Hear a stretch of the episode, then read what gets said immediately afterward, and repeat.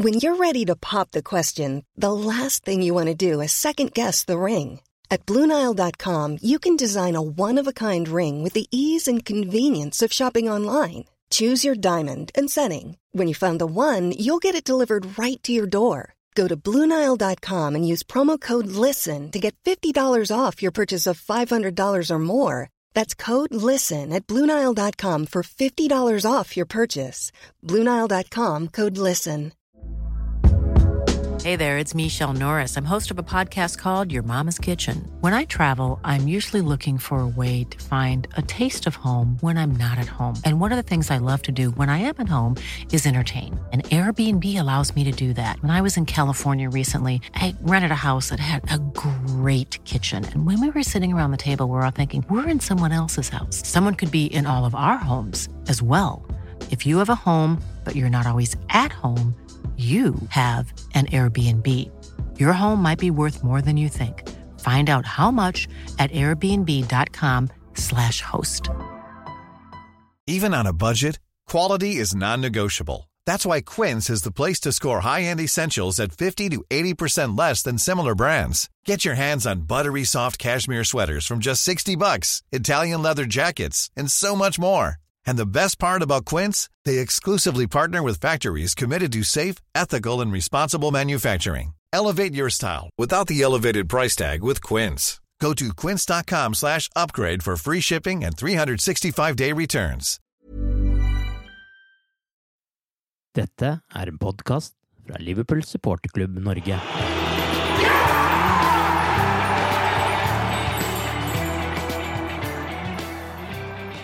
Mo Salah, Mo Salah løper fra folk med ball. Og det svinger ordentlig av angrepsspillet til Liverpool nå. Og det er nesten et under at det ikke har blitt flere enn seks mål på de to siste kampene, slik Liverpool har rullet opp det ene nydelige angrepet etter det andre. Arve Vassbotn heter jeg, og i pauseprat Cop-Out-podkasten denne gangen så har jeg med meg Arild Skjæveland og Torbjørn Flatin. Denne gangen så trengte vi ikke Divo Korigi seks minutter på overtid. Og Liverpool kunne vel ledet 5-0 før ti minutter var spilt på Goodison Park. Det var iallfall følelsen man satt igjen med. Men selv på 2-0 så begynte Everton-supporterne å gå. Og så kom de jo litt tilbake i kampen igjen, men uh, hva er dommen deres over Mercyside Derby? Du får ikke meg til å synge, altså. Jeg bare begynner, Torbjørn. Nei, ja, nei, det blir ikke noe sang, tror jeg, her heller. Ja. Men uh, uh, Nei, altså, jeg, jeg syns jo kanskje Mercyside Derby de siste åra Det har vært mange hyggelige opplevelser, men ganske ofte syns jeg kanskje kampene har begynt litt med at du har hatt på deg redningsvesten, si, vært litt sånn forsiktige. Kanskje gått en omgang før det har blitt ordentlig fart. Altså her var det fullt trøkk fra første sekund. Og øh, Mm. Everton kommer nok til å få mye tyn, og øh, det var vel kanskje starten på slutten for uh, Rafa Benitez som manager der. Men, men jeg syns faktisk Everton også bidro den første timen til at uh, det blei en, øh, en, en kamp jeg tror du kommer til å huske litt. Eh, vi var, Liverpool var Mm. bedre, eh, farligere. Eh, men jeg, men jeg syns også Everton prøvde, og de gangene de var framover, så var de heller ikke helt ufarlige. Så eh, jeg syns det var et av, de, et av de bedre Mercyside Derbyene jeg har sett på uh, sett de siste åra. Altså. Hva så du, Arild. Hvis en kom fra det der uten noen skader eller smeller, så må det være helt, nærmest helt perfekt. Eh, Det var et ekstremt tempo. og Det var rett og slett veldig, veldig gøy å se på. Jeg, eh, det har vært 0-0 de siste tre år eller noe sånt på Goodison. Nei, 2-2 var det i fjor, men så 0-0 og 0-0. Eh, Dette var noe helt annet. Det var jeg var, satt litt, og var litt redd- for at eh, det skulle være en ny sånn dag når det sto 0-0 etter de to, to enorme sjansene etter sånn to minutter. Men så Ja, det kunne jo vært 5-0 etter, etter ti minutts spill. Og, men det var jo ikke sånn at eh, Everton ikke prøvde å påføre Liverpool noen skader i denne kampen heller. Nei, det var høyt tenningsnivå. Det hadde vært veldig masse fokus på det før, eh, før kampen. Og Klopp var ganske irritert på at han, at han fikk det spørsmålet sikkert for tiende gang rett før kampstart òg. Men eh, det var vel ingen som gikk så over kanten denne gangen her som, som sist. Og hvis en kommer fra det der eh, uten skader, så må en jo nesten si at det var en, en perfekt onsdagskveld. Liverpool har jo nå skåra 43 mål i Premier League på 14 kamper. 63 mål totalt på 21 kamper denne sesongen. Det er noen enorme tall, og Sala er foran det skjemaet han hadde på sin første sesong som Liverpool-spiller, som endte på 44 skåringer. Og Shota og Mané er jo ikke helt borte, de heller. Det er jo bare å nyte dette, og så, sånn som denne kontringen her i går. Men hva er forklaringen deres på at Liverpool og Salah har blitt så målfarlige denne sesongen? Det hjelper jo på å ha verdens beste fotballspiller i, i sitt livs form, da. Og et lag som der alt ser ut til å fungere igjen når uh, van Dijk er tilbake og alle de beste spillerne får spille i sine beste posisjoner og, fungere igjen. Det, nå kan du liksom bruke Trent Alexander Arnold og Andy Robertsen sånn. Slipper de helt fri, og du kan stå litt høyere og spille av press på en helt annen måte. og Alt, alt ser ut som det fungerer. Og Så skal vi kanskje ikke undervurdere den, den sulten heller, etter at Leopold toppa tabellen til jul i fjor, og så kollapsa alt på på fire måneder. Så en tredjeplass det er nok mm. greit nok, kanskje, men uh, dette er jo et lag som vil Så i hvert fall har lyst til å vinne flere titler enn det de gjorde i, i 2019 og, og, 2020. da. Ja, nei, jeg, jeg tror, jeg, tror eh, ikke, ikke, ikke, minst det Arild sier om at vi eh, vi kan stå litt høyere, vi kan presse litt annerledes. Eh, er, er, et poeng. Altså, jeg tror er måten Liverpool presser på eh, nå, når de er på topp. Eh, den, eh, den er helt ekstrem. Og det virker som de kan gi nesten eh, hvem som helst store problemer. Og de skaper enormt med sjanser når de får til det presset. Så har du på en måte med i pakka at ja, enkelte kamper så vi, ser vi sårbare ut. Det blir skapt sjanser mot oss. Men det tror jeg er på en måte med, med hele den uh, greia der. Altså, vi, sånn som Liverpool spiller, så må de også av og til tåle at de eh, kan få sjanser imot seg. Men eh, det er vel ingen i verden som skaper så mye sjanser som Liverpool gjør akkurat for øyeblikket. Og det, det er som jeg sier, det er, det, er, det er, veldig artig å se. og nå har vi også folk eh, på topp der som er i stand til å, til å utnytte det. Så det er et eller annet der. Altså det, det er noe med at skal du lykkes i fotball, skal du skåre mål i, i, fotball, så må du skape sjanser, og det, der er eh, Liverpool ekstremt gode for, for tida. Og det er jo ganske vanskelig å vinne mot et lag som skårer tre-fire mål i hver eneste kamp også, selv om eh, man er litt sårbare. Ja, ja det er det. Eh, definitivt. Og det, det, eneste er på en måte litt sånn at den dagen hvor ingenting går inn, så er vi kanskje risikerer at vi går på en, en på trynet. Altså det er eh, litt sånn som uh, uh, Jeg, jeg, jeg syns vi på, på, en måte ligner litt på Manchester City når de har vært på det aller beste, hvor de liksom uh, vinner 5-6-0 to-tre kamper på rad, og så plutselig taper de med 0. Mm. Jeg, jeg, er litt sånn at jeg, jeg kanskje frykter at det, det, kan skje den, den, dagen hvor det liksom låser seg eh, framme, så, så, har vi en sånn spillestil som gjør at vi kanskje må tåle at vi, vi får sjanser mot oss. Men det, det, har også med å si hvilket spillemateriell vi, eh, vi har på, på, den gitte kampen, føler jeg. Eh, jeg tror det er viktig, men eh, det, det, er liksom den, den derre Det lille minuset, kanskje. At uh, når, vi, når, vi, legger opp til et sånt spill, så må vi òg tåle at vi gir fra oss noen sjanser. Ja, for jeg syns egentlig Liverpool var litt mer sånn tålmodige og kanskje litt mer kyniske forrige sesong, og kanskje også mesterskapssesongen. At man tok seg litt bedre tid og stressa ikke så mye og sånn. Men nå er det liksom fullt kjør hele tida. Det er jo kjempegøy å se på det, men det er jo vanskelig å skru om til en sånn kynisme når man skal ri land en seier også, da. Og det har man jo hatt et par eksempler på at uh, ikke har gått uh, denne sesongen også. Nei, men, men det, er da, det, er da, det er bra å ha en uh, Virgil van Dijk bakerst der. kanskje ha en midtbanespiller eller to som er i stand til å kontrollere kampen på tempo på kampen. Eh, av, og til, av, og til, roe ned når det er behov for å roe ned. Mm. Eh, ta, ta, perioder hvor du, kan du si, ikke legger inn det der siste giret. Mm. Eh, sånt noe. Eh, Og det, men det er klart, Mm. altså, det er jo det er liksom blitt, av en eller annen grunn, blitt litt mer sånn heavy metal denne sesongen her, føler jeg, enn det det det var et par sesonger. Eh, Så eh, Mm. jeg veit ikke. Det, det, det hadde vel kanskje noe med Vi har prata en del om det. Altså, det har jo faktisk vært sånn, sjøl om eh, jeg tror aldri Liverpool har blitt sett på som noe noe negativt lag eller defensivt lag eller et eller annet, men vi har faktisk skåret litt mindre mål eh, de siste sesongene, sånn gradvis. Så, så jeg tror det var noe av det Klopp og, og trenerstaben på en måte jobba med, at vi skulle igjen bli det laget, et, et lag som, eh, som, som skapte mer, eh, mer igjen. Så ja, det, det, det ligger inn der. Det gjelder å finne, finne den eh, rette balansen. Du er jo innom midtbanen her, og vi har jo snakka mye om midtbanetrioen Fabinho, Henderson og Thiago i denne podkasten tidligere, og har vel kanskje nevnt trioen i flere podkaster enn antall ganger de faktisk har fått sjansen til å spille sammen på banen. Men nå har vi fått sett dem i de to siste kampene. Eh, Arild, er dette den drømmemidtbanen som vi har snakket om og etterlyst? Ja, Vi har vel snakka om det siden august i fjor. En, eh, når han var sterkt linka til Tiago. Det var, vel- var litt uh, Ronaldo fikk litt lite oppmerksomhet, og da var de tre ble, ble vel uh, løfta fram som vår, vår beste midtbane.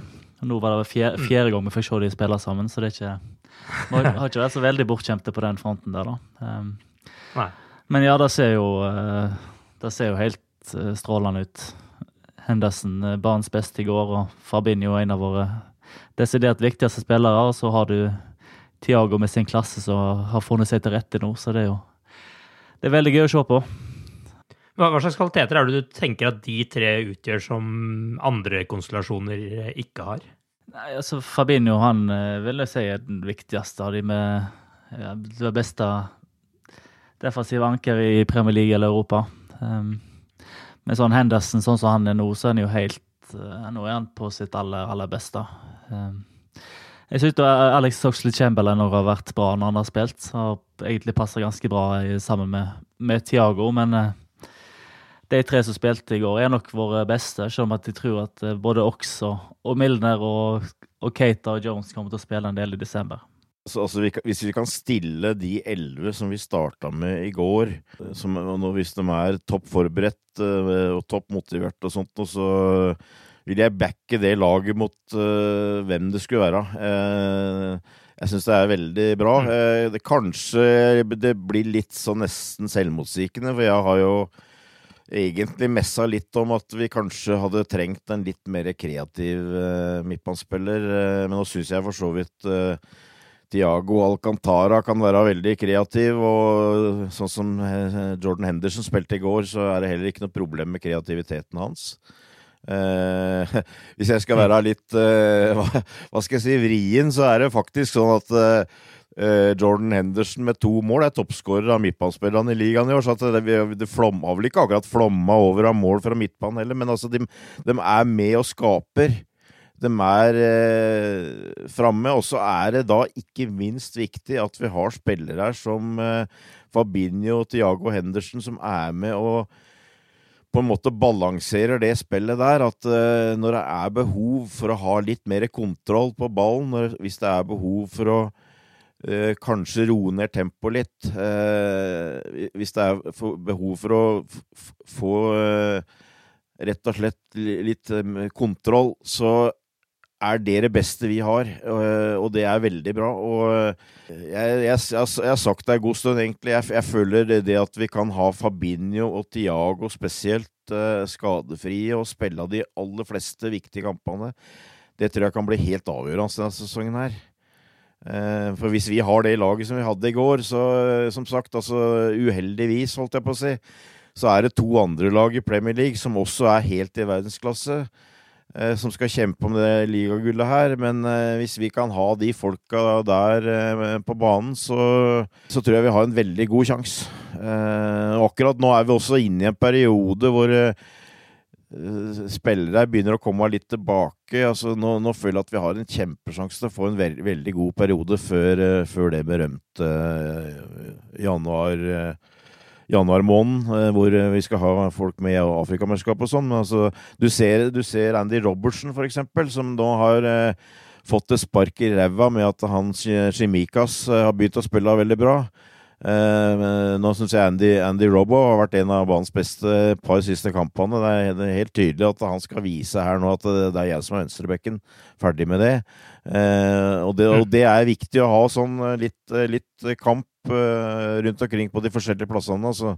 Det er som du sier, det er bare å, bare å nyte det og håpe at det fortsetter, og at vi at vi, vi kan disponere dette laget her mest mulig. Og bare så det ikke er noe tvil, det laget vi da altså snakker om, er Alison i mål, Alexander Arnold på høyrebekken, Matip, van Dijk, Robertsen, Henderson, Fabinho, Tiago, Sala, Mané og Shota. Nå røpa du jo litt uh, svaret på det jeg hadde tenkt å spørre deg om nå uh, etterpå her, men jeg tar det spørsmålet likevel. Sorry, sorry. Fordi er det én ting vi har etterlyst i flere sesonger, og som spesielt du har nevnt mange ganger i denne podkasten, Torbjørn, så er det jo mangelen på mål fra midtbanen. Og så skal jeg være litt sånn vrang tilbake nå, fordi at uh, grunnen til å spørre om dette her, er jo at Henderson har nå tre mål totalt, hvis man tar med da Champions League. Keita har tre. Tiago har to. Uh, Curtis Jones har ett, og Fabinho ett. Så ja, de har ikke sånn veldig mange mål, noen av dem, men har vi noe grunn til å klage på mål fra midtbanen denne sesongen, når det er kommet såpass mange så tidlig, eller burde det vært flere? Nei, det... Jeg bare skyter inn at uh, av de som er fortsatt i Liverpool nå, så det var fem, fem mål hele forrige sesong. Ja. Mm. Wijnaldum hadde vel tre, så var det åtte. Så det med 2. desember når vi spiller inn denne, så det må i hvert fall gå rett vei. Ja. Nei, det er, det er, greit. Det er greit. Og eh, jeg tror egentlig det, hvis vi, hvis vi, får fortsette litt sånn som vi har nå, så kommer det til å komme enda flere mål. Eh, mm. Du ser nå at Tiago begynner å dra til fra 20-25 meter. Satt jo greit, da, den uh, ene han prøvde derfra. Ja, han traff, traff, veldig bra. Han har et veldig bra tilslag. Eh, så det forventer jeg meg mer av. Og og Jordan Henderson han eh, spilte jo høyreving eh, med, med, bravur der ved en anledning når vi skåra et mål der. og eh, Det ser veldig mye bedre ut, det altså. Og, og, vi, og vi, har litt kanskje folk i, i bakgrunnen nå. Eh, så nei, jeg, jeg, skal, jeg, skal, egentlig være villig til å hole litt inn i den der, sjøl om jeg eh, fortsatt ser eh, tanken med at vi kunne hatt et alternativ med en midtbanespiller som på en måte greide å komme bak motstanderens forsvar òg, så for all del, dem som er der nå, holder. Men hvis vi også f.eks. kunne få en type som Keita inn her, som av og til kunne komme inn og, og komme bakfra, gå på løp inn i feltet og sånt, og så har du ytterligere en liten dimensjon. Men uh, det, er klart, mm. det, det, er klart det har også sammenheng med sånn som Liverpool spiller. altså dem de, eh, de, legger opp til at midtbanen eh, i og for seg eh, ikke skal være veldig aktiv i målprotokollen. De skal være dem som på en måte styrer kampen, og som holder ting på plass. Og så er det bekkene som, som ikke minst skal bidra til å komme fram og, og, være med og være kreative og stå for målgivende. Og så har du de tre på topp som skal i all hovedsak putte mål. Da. Så det er et større bilde her, selvfølgelig. Så, men uh, hvis vi kan ha de tre som vi hadde på midtbanen i går, uh, framover, så er, det, så er jeg veldig fornøyd med det. Ja, vi skal skyte en der, og så skal din favoritt Nabi Keita tilbake i trening i dag, da. Ah, ja. Klopp sa. Da Klopp sa på tirsdag. Så da. Happy days. Men uh, Arild, hva tenker du om det med mål fra midtbanen? Jeg bare telte det kjapt over nå. Det, hvis jeg ikke har regna feil, så er det ti mål til nå denne sesongen. da. Ja. Nei, jeg ser jo at Liverpool Jeg vet ikke om de har gjort noe på treningsfeltet, eller hva de har gjort, men tidligere så, så var det veldig litt avslutninger fra distanse for, for, Liverpools del. Og jeg vet jo at både Fabinho, Henderson og, og eh, både Keita og Axel Chamberlain og Tiago alle kan skyte fra distanse, så det Jewelry isn't a gift you give just once. It's a way to remind your loved one of a beautiful moment every time they see it. Blue Nile can help you find the gift that says how you feel and says it beautifully with expert guidance and a wide assortment of jewelry of the highest quality at the best price. Go to BlueNile.com and experience the convenience of shopping Blue Nile, the original online jeweler since 1999. That's BlueNile.com to find the perfect jewelry gift for any occasion. BlueNile.com. Hey, I'm Ryan Reynolds. At Mint Mobile, we like to do the opposite of what Big Wireless does. They charge you a lot, we charge you a little. So naturally, when they announced they'd be raising their prices due to inflation, we decided to deflate our prices due to not hating you. That's right. We're cutting the price of Mint Unlimited from $30 a month to just $15 a month. Give it a try at mintmobile.com slash switch. $45 upfront for three months plus taxes and fees. Promo rate for new customers for limited time. Unlimited more than 40 gigabytes per month. Slows. Full terms at mintmobile.com. Hiring for your small business? If you're not looking for professionals on LinkedIn, you're looking in the wrong place. That's like looking for your car keys in a fish tank. LinkedIn helps you hire professionals you can't find anywhere else, even those who aren't actively searching for a new job but might be open to the perfect role. In a given month, over 70% of LinkedIn users don't even visit other leading job sites. So start looking in the right place. With LinkedIn, you can hire professionals like a professional. Post your free job on linkedin.com slash people today. Hey there, it's Michelle Norris. I'm host of a podcast called Your Mama's Kitchen. When I travel, I'm usually looking for a way to find a taste of home when I'm not at home. And one of the things I love to do when I am at home is entertain. And Airbnb allows me to do that. When I was in California recently, I rented a house that had a great kitchen. And when we were sitting around the table, we we're all thinking, we're in someone else's house. Someone could be in all of our homes as well. If you have a home, but you're not always at home, you have an Airbnb. Your home might be worth more than you think. Find out how much at airbnb.com/slash host. Wow. Nice. Yeah. What you're hearing are the sounds of people everywhere putting on Bombas socks, underwear, and t-shirts made from absurdly soft materials that feel like plush clouds. Yeah, that plush. And the best part? For every item you purchase, Bombas donates another to someone facing homelessness. Bombas. Big comfort for everyone. Go to bombas.com slash ACAST and use code ACAST for 20% off your first purchase. That's bombas.com slash ACAST. Code ACAST. Det er vel mulig at de har fått en beskjed om å skyte ham mer, eller Mm. det vet jeg ikke. Men det, det ser nå ut som at det gir, det gir mål, i hvert fall. Eh, Rafael Benitez da, han sitter vel litt uh, utrygt nå, og etter kampen i går så tok han et grep som uh, minna litt om uh, at de er en liten klubb, som han sa om Everton en gang i tida, når han uh, viste til hvor mye penger Liverpool har uh, brukt. Eh, tenker dere at dette er litt sånn desperat forsøk fra Benitez om å komme på godsida til Everton-supporterne, eller? Ja, det må det være, heller. Det så veldig spesielt ut, da, for når han bare kasta det inn i en setning om at jeg har gjort masse feil, men at, eh, at liksom Liverpool har brukt så masse penger. Det var litt absurd uh, uttalelse, syns jeg. Jeg, jeg, tror, jeg tror kanskje det var en, en mer desperat uh, forsøk på å prøve å få litt mer penger sjøl i januar. Ja, det var. Eh, at det var litt sånn politisk greie. At han mener det var en hentydning til at han sjøl hadde fått lite å, å handle for i sommer. Eh, Ja, da fikk han jo, da. Det ja, ja han, gjorde, han gjorde det, men det er klart han eh, i gåseøynene glemmer at det har blitt brukt mye penger før, og at Liverpool ikke har brukt så mye penger. Men jeg, jeg tror det er et sånn litt sånn politisk forsøk på å prøve at hør her, det dere må gi meg en sjanse med å, å gi meg noe penger, så jeg kan få henta inn mine folk. Det, det tror jeg, men eh, ja. eh, Det var, det, det var i det hele tatt litt, litt desperat, og jeg tror det der eh, prosjektet der, det, det, det tror jeg ikke holder særlig lenger, holdt jeg på å si. Ikke nødvendigvis fordi at eh, Rafa Benitez eh, ikke kan gjøre en brukbar jobb der, men eh, de vil ikke ha han på, på tribu, tribunene. Og, så det da, blir- da blir det sånn. Så nå er de vel nummer 14 i Premier League med fem poeng ned til streken. Så.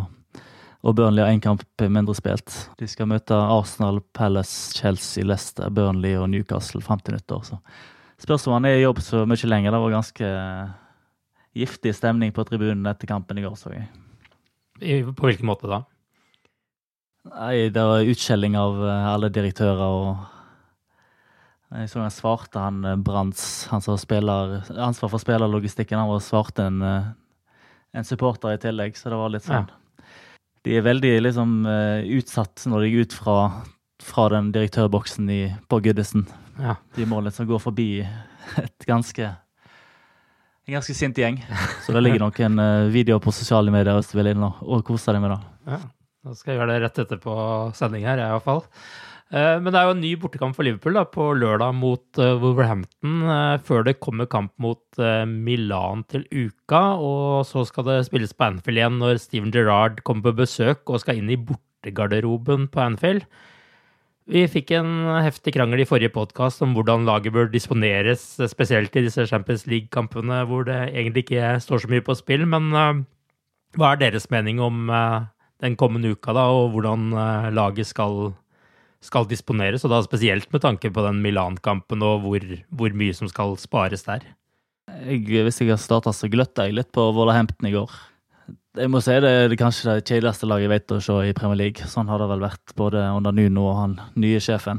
Det er ja. veldig lite mål. Jeg tror de har tolv skåra og tolv innslupne på 14 kamper i år. Og det er liksom sånn da, mønster hvert år. Selv om at de har eh, ganske mange gode enkeltspillere, så er det liksom Det er solid, og så er det ganske kjedelig. Og så har de han Traore som plutselig kan gjøre noe som er helt absurd på egen hånd. Han hadde et raid i går der han banka han i tverrleggeren, men ja, det er jo en spiller Leopold har slitt litt mot tidligere, for han er så uforutsigbar og rask. Men eh, jeg håper at Klopp, eh, hvis han kan, kan kjøre samme laget som han gjorde mot Everton i den, og så får han heller, heller gi en eh, velfortjent hvile til, til de som trenger det mot Milan. Ja, den tverrliggeren står og dirrer ennå etter det Traore-skuddet, tror jeg. Men hvor, hvor, mye tenker du at han skal spare mot Milan da, hvis du, han får kjørt det samme mannskapet nå? jeg så det på navnet, og det blir jo ganske mange nå, men uh, jeg tenker at uh, Robertsen og Trent og van Dijk kunne i hvert fall fått hvilt. Um, Fabinho og Henderson, kanskje. Um, jeg tipper jo at sånn som Sala er desperat etter å få spille mer. Jeg vet ikke om jeg vet ikke om jeg nødvendigvis ville sett han spille, men han, han skårer så masse mål og unngår skade hele tida, så det er liksom sikkert ganske vanskelig å holde han igjen. Ja, Det er vel en mye viktig motivasjonsfaktor for han å bli toppskårer i Champions League også, sikkert. Så. Ja, han er, litt, han er litt interessert i disse individuelle prisene, ikke om at han, han mm. ser alltid etter laget, laget først. Men eh, jeg ser ikke for meg at han kjører et rent B-lag selv om at han kan. altså da, så da vil det i hvert fall overraske meg. Jeg, jeg ville prioritert Premier League. Eh, ferdig med det. Eh, og mm. Jeg tror ikke det ble gjort. Uh, jeg, jeg, ville, jeg ville faktisk seriøst vurdert å bytte hele laget. Jeg føler ikke at vi har noe ansvar for, å, for at vi skal uh, vi, vi, jeg, jeg, tror faktisk vi kan gi Milan kamp allikevel, hvis du, hvis du liksom stiller med Chemikas uh, og Williams eh, på bekkene, eh, og Phillips, eh, Konate, du har Milner, du har Ox. Du kan li Tyler Morton, mer spilletid. Du har Minami... Mi, ja, Kate er fort tilbake hvis han Ja, ja, ja. Det, da, da, løser du det, på en måte. Da kan du sette Ox framme, da. Altså, sammen med Minamino og Rigi, ikke sant. Altså, jeg, jeg tror faktisk at uh, dem på en god dag kan gi uh, Milan en fight. Uh, hvis jeg skal være Det høres kanskje litt sånn, hva skal jeg si, kynisk og sånn ut, men i mitt hue så er den viktigste årsaken til at Klopp bytter såpass litt i Champions League, er penger.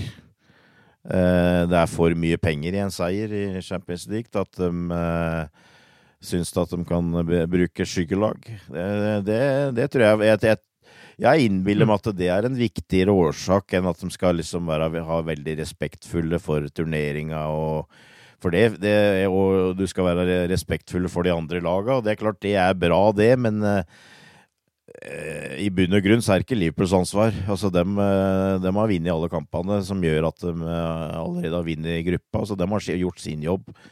Så eh, jeg, jeg innbiller meg det. Jeg, jeg, jeg, vil ikke se bort ifra at Klopp kanskje føler litt press fra høyre hold om at uh, vi, vi, tar gjerne med oss de der millionene pund som er mulig å få inn der.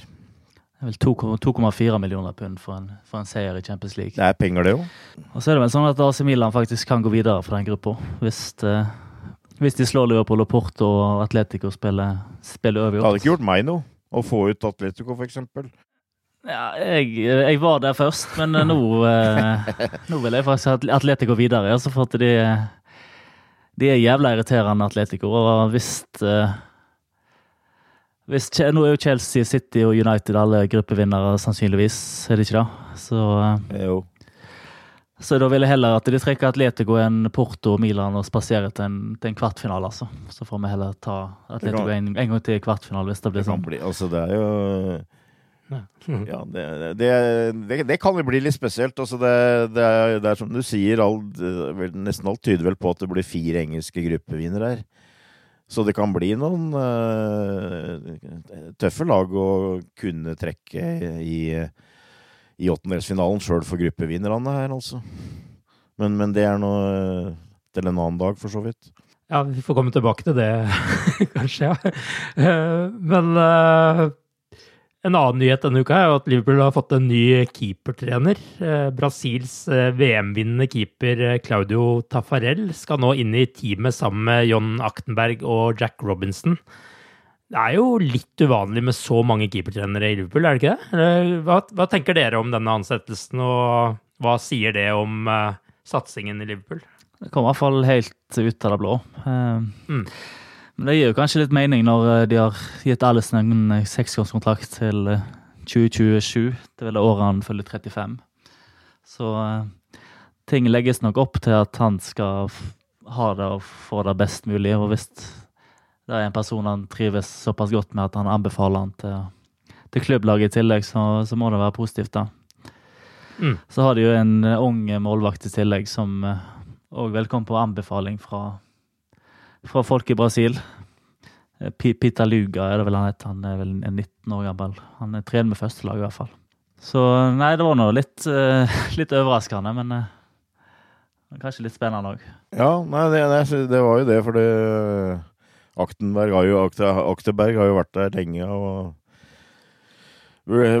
vurderte det sånn at han var uh, høyt ansett, og det er han sikkert, eh, sikkert fortsatt, men uh, det er litt artig, syns jeg. da. Altså, jeg vokste jo opp med, med Brasil, eh, og det, liksom, det som ble sagt, var jo at Brasil eh, hadde gode spillere overalt, bortsett fra mål. Keeperne var dårlige. Eh, og Tafarel var på en måte kanskje den første eh, keeperen som jeg følte blei virkelig akseptert som en god keeper. Eh, så, så det er litt spesielt. Men jeg, jeg, jeg syns òg det er litt spennende av at man har henta inn en ung brasiliansk keeper. Er det det som Ligger det litt i bakhånd her? At uh, ja, nå har vi en brasiliansk eh, keeper i mål. Og vi har en ung en i bakgrunnen som kanskje kan bli den neste første keeperen. Eh, Jeg vet ikke. Jeg fikk en sånn tanke om at kanskje det, det ligger litt der. At det, da er det gunstig å få inn en brasiliansk keepertrener òg. Jeg vet ikke, jeg. Men eh, det var, det var litt interessant. Jeg så jo også Klopp uh, uh, uttalte vel det at uh, keeperplassen det er på en måte en sånn unik plass. altså Det er noe helt for seg sjøl. og da ønska de å ha et helt eget opplegg med det. Og, og det, det syns jeg hørtes eh, fornuftig ut, uh, egentlig. Å prøve ut litt nye ting og sånt. Og det, keeperplassen har jo også blitt eh, Å være keeper i dag er jo noe helt annet, uh, holdt jeg på å si. Du er liksom også mer utespiller enn du var før og sånt noe, så Nei, jeg, jeg syns det var en veldig interessant signering, for å si det sånn. Han skal vel fortsette å kombinere med den rollen han har for eh, Brasil. Han har jo vært landslags- eller keepertrener for Brasil siden 2016, hvis jeg ikke Ja, ja. Men, husker eh, feil. Så. Det er, det, er, det er en sånn veldig Brasil-link der, holdt jeg på å si. Så jeg, jeg tror jeg er veldig bevisst på hva som er gjort her. Ja, så virker det som en sånn enda mer fokus på det med spesialisering eh, på alle Ja. områder. da. Altså Man Ja. vet jo at man har hatt innkasttrener og satsa mer Ja. på frispark og, og sånne ting. Altså det, det virker jo som på en måte det bare er en sånn holdning at de skal ha de beste folka overalt, og kanskje på keeperplass så trenger, man litt ekstra oppfølging enn det to trenere kan, kan gi. Det er iallfall det signalet jeg syns det sender her, at her er vi villige til liksom sette inn ekstra ressurser for at det skal bli enda bedre selv for den ene spilleren eller de to spillerne. Eller altså Det er en veldig interessant eh, ansettelse sånn sett. Så det er sikkert ikke så dumt å ha en uh, muldvarp inn i, i Brasils landslagstropp der, så kan bedre det forholdet Nei, litt. nei. Det- Det. Ja, det er sant. Det det kanskje, det er, kanskje det er hele grunnen, ja. Bruker Edersen i de Ja. siste de fredagskampene, så ja. Det er sant. Alle som får ikke en landskamp igjen nå. Eh, En litt tristere nyhet. Denne uka så gikk Ray Kennedy bort, 70 år gammel. Han spilte i Liverpool fra 1974 til 1982, og titlene han tok med seg derfra, det sier vel det meste. Fem ligatitler, tre europacuper, én Uefa-cup, én ligacup og én supercup for Liverpool. Det er det han fikk med seg. Han spilte 393 kamper og skåret 72 mål for klubben. Det var faktaene, men å beskrive Ray Kennedy som spiller og hva slags betydning han hadde for klubben, det skal du få lov å gjøre, Torbjørn, for der kommer nok både jeg og Arild eh, litt til kort.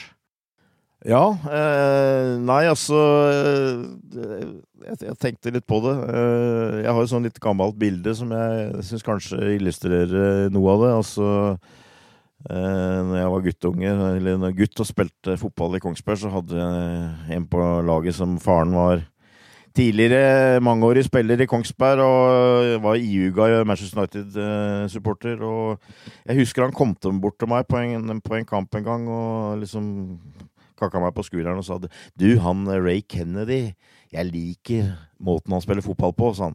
Og det, og det var eh, veldig sånn overraskende, for han var, han var ikke så veldig interessert i å prate om Liverpool, eh, egentlig, sånn som jeg husker det. Og vi hadde vel ikke noe særlig samtid om Liverpool i det hele tatt, men, eh, men det husker jeg.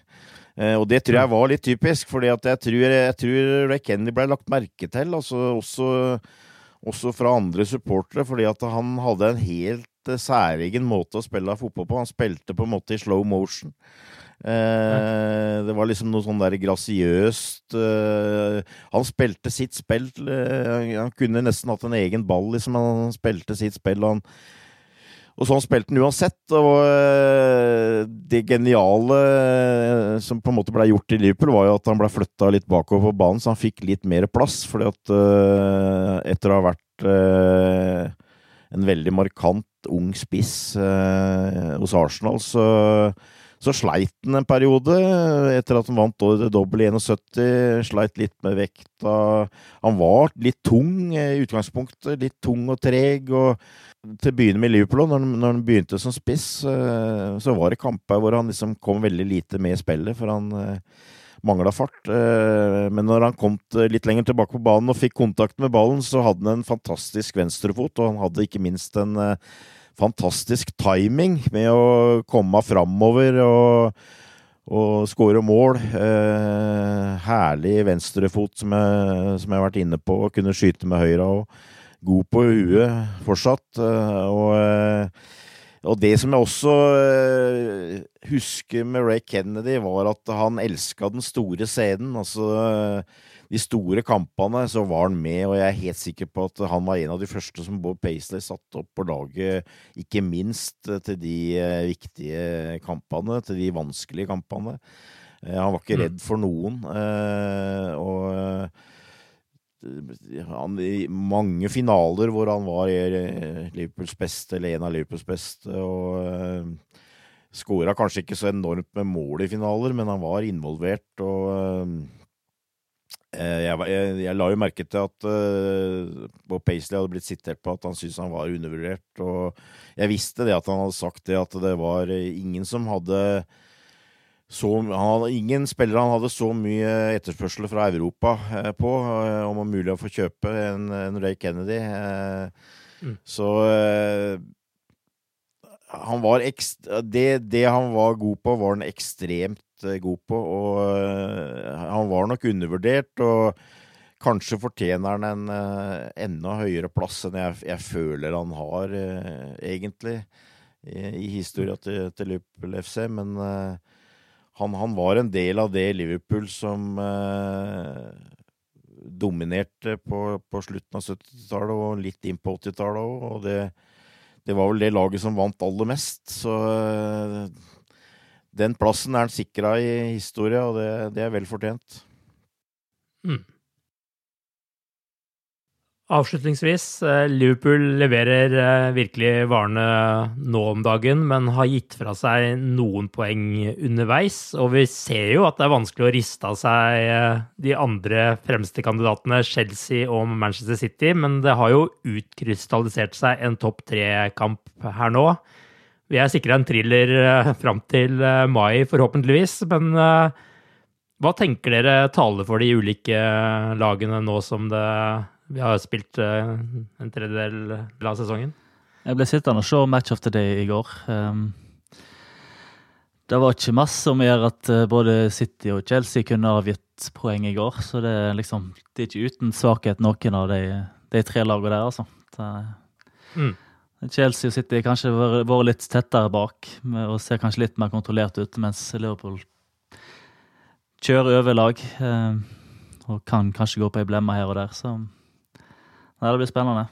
Men hva annet ser du på Chelsea og, og City? Hva, hva, tenker du er de største grunnene til at de skulle få det til, bortsett fra da, den defensive biten som du nevnte nå? Det er vel at det ser veldig solid ut. Altså det, det, ser ut som begge kanskje mangler én eh, målskårer. Det gjør ikke Leopold, da. Men uh, altså de spiller, det er en litt mer gjerrig, eh, kontrollert type fotball enn det Leopold driver med. Det, men mm. Det var rett før det gikk galt for begge to i går. En, en 18-åring som linka til Leopold, så jeg dessverre ikke ta navnet på pga. uttalen. For, Villa som kom inn uh, som innbytter, uh, avslutta rett på Ederson der på, på perfekt posisjon, posisjon. Så det var litt lei akkurat den, altså.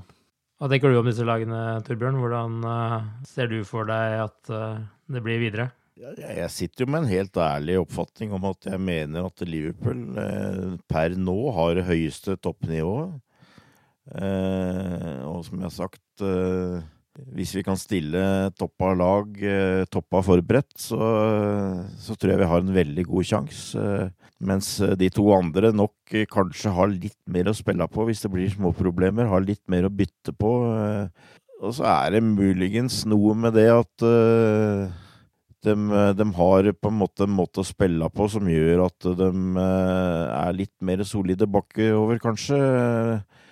Både Chelsea og City spiller vel ofte kanskje med to midtbanespillere, f.eks., som sitter mer, mens vi eh, ofte har e, ett anker, da.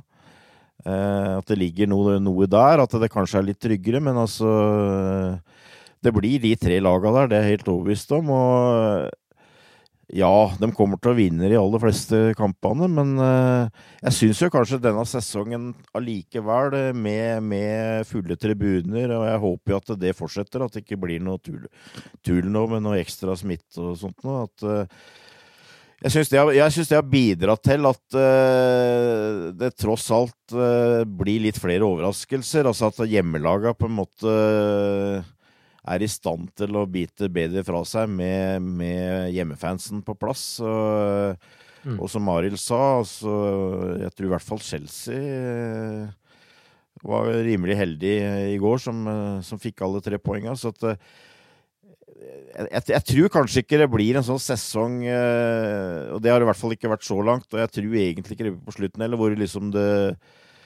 du hadde, du hadde fått kunnet eh, få 100 poeng, holdt jeg på å si. Altså, du vinner så å si hver eneste kamp, bortsett fra de eh, interne oppgjørene.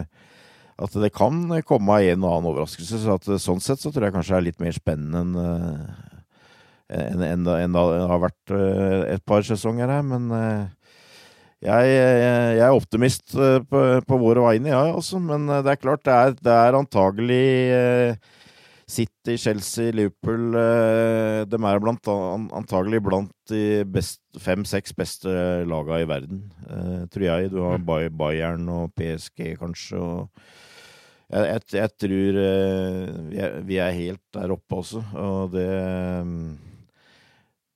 Jeg tviler på om det noen gang har vært tre så gode lag i, i, i Premier League. Så det blir, eh, det blir, veldig spennende. Det blir veldig tøft, men uh, vi har alle sjanser.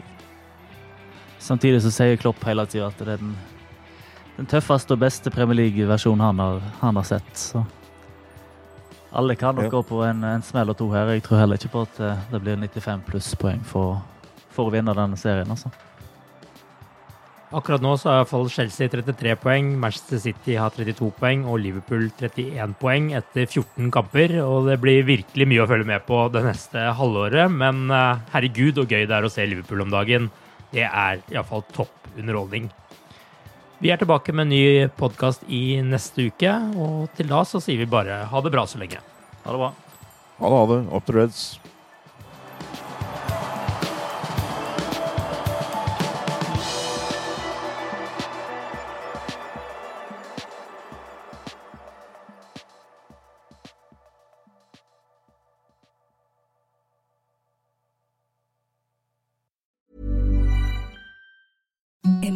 The softest sheets you've ever felt. Now imagine them getting even softer over time. That's what you'll feel with Bowl and Branch's organic cotton sheets. In a recent customer survey, 96% replied that Bowl and Branch sheets get softer with every wash. Start getting your best night's sleep in these sheets that get softer and softer for years to come. Try their sheets with a 30-night guarantee. Plus, get 15% off your first order at bowlandbranch.com. Code BUTTERY. Exclusions apply. See site for details. Planning for your next trip? Elevate your travel style with Quince. Quince has all the jet setting essentials you'll want for your next getaway, like European linen, premium luggage options, buttery soft Italian leather bags, and so much more. And is all priced at 50 to 80% less than similar brands. Plus, Quince only works with factories that use safe and ethical manufacturing practices. Pack your bags with high-quality essentials you'll be wearing for vacations to come with Quince. Go to quince.com slash pack for free shipping and 365-day returns. Hi, this is Craig Robinson from Ways to Win, and support for this podcast comes from Invesco QQQ, the official ETF of the NCAA. The future isn't scary. Not realizing its potential, however, could be. Just like on the recruiting trail, I've seen potential come in many forms as a coach. Learn more at Invesco.com slash QQQ. Let's rethink possibility. Invesco Distributors, Inc.